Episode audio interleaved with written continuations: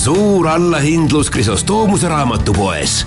üle miljoni raamatu soodsamad kuni kakskümmend viis protsenti ja valikus on kõik žanrid ning kogu maailm. kättetoimetamine Eestis on tasuta. lisaks suur valik e-raamatuid ning lugereid. telli raamat koju lihtsalt kodulehelt kriso.ee Kuku Raadios välja öeldud seisukohad ei pea ühtima Kuku Raadio seisukohtadega. Te kuulate Kuku Raadiot. eurominutid.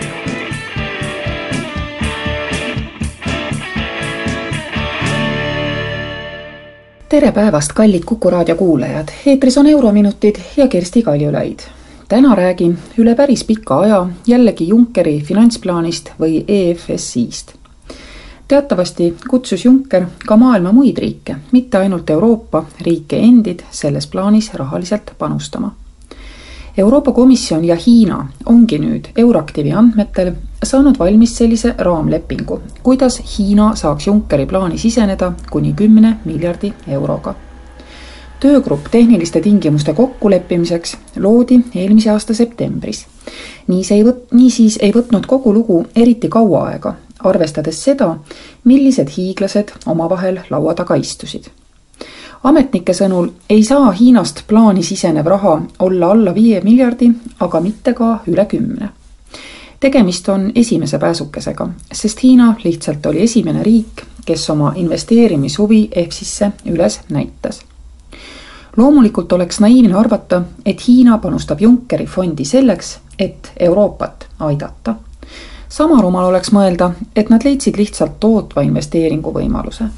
ainus mõistlik seletus Hiina kiirele reaktsioonile ja huvile on muidugi Hiina huvide parem esindamine ja kaitsmine Euroopas teatavasti on tihe majanduskoostöö see, mis poliitiliste suhete keerustamise hinna üles ajab niisiis tahab Hiina loomulikult, et Euroopa teeks temaga väga tihedat majanduskoostööd ja et see koostöö oleks võimalikult mitmekihiline.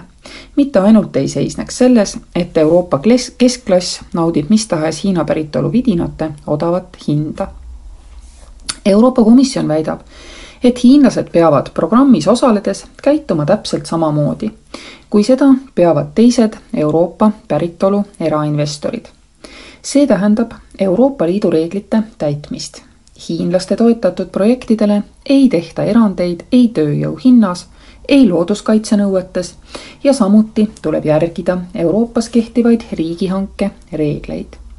sest Junckeri plaan teatavasti ei tööta mitte nagu tavaline fond, kuhu raha tuleb sisse, sulandub kokku üheks ja läheb siis välja juba fondi ühtse rahana.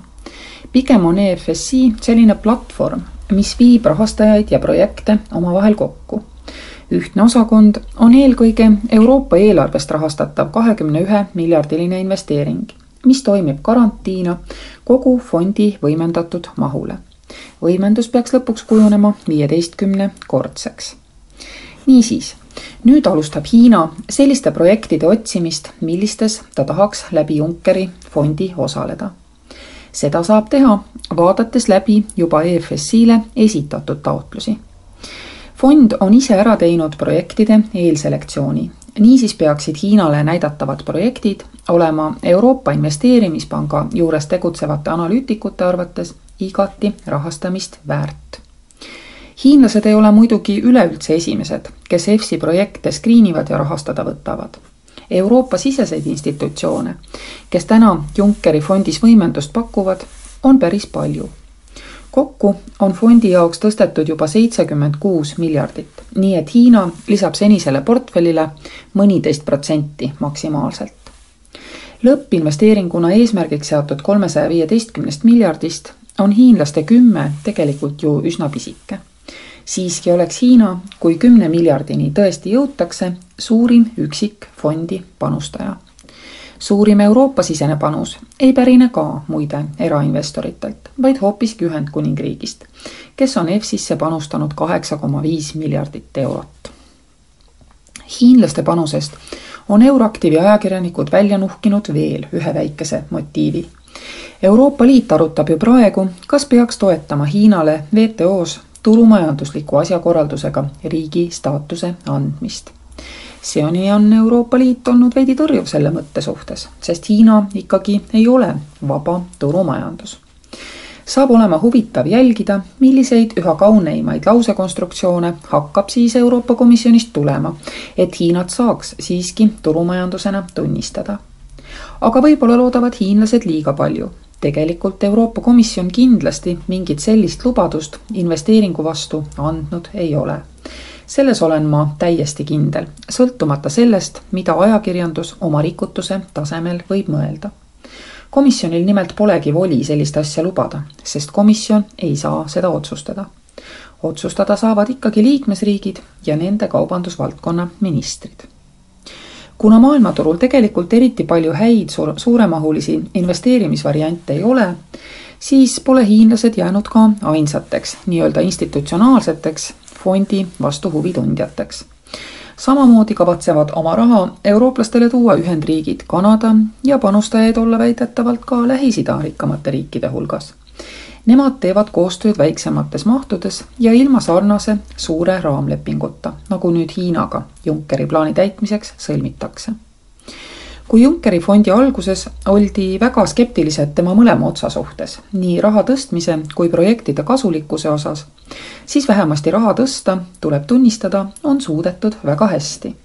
samas ei ole küll kuidagi kasvanud veendumus, kas need projektid on ajutine lisarahavool Euroopa majandusse, nagu tihti suured struktuurivahenditest rahastatavad projektid seda on.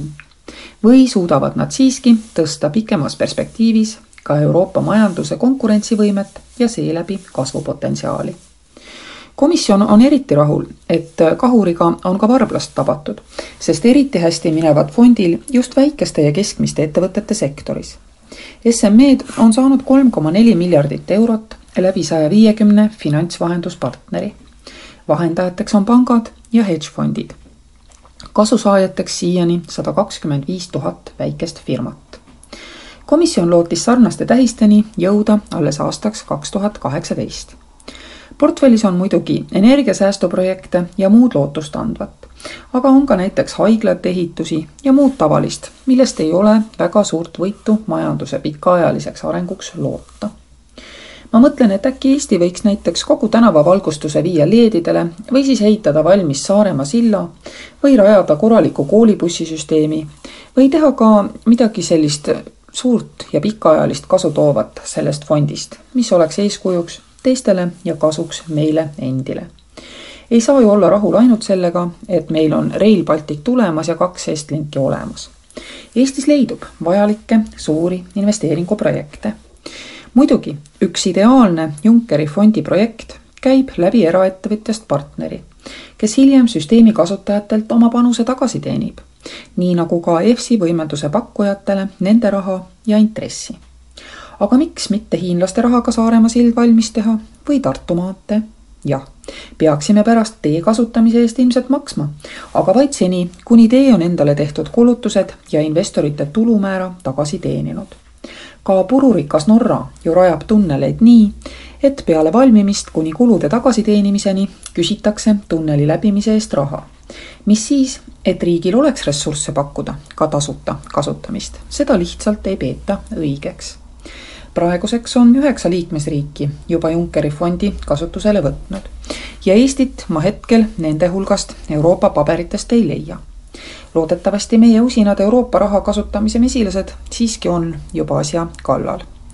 Niisugust rahalaeva ei saa lasta meist mööda ujuda kuid samas peab muidugi üldse silmas pidama, kas see fond on kõige odavam viis oma projekte rahastada. täiesti võimalik on, et leidub hoopis odavamaid laenu saamise võimalusi. kuigi komisjon väidab vastupidist, on ju EFSI kui platvorm üsna keerukas struktuur ja seetõttu ka kindlasti maksab midagi, mis võib sealtkaudu raha laenamise teha tegelikult ebaatraktiivseks, eriti väiksema riigi jaoks Kuulmiseni jälle järgmisel nädalal. eurominutid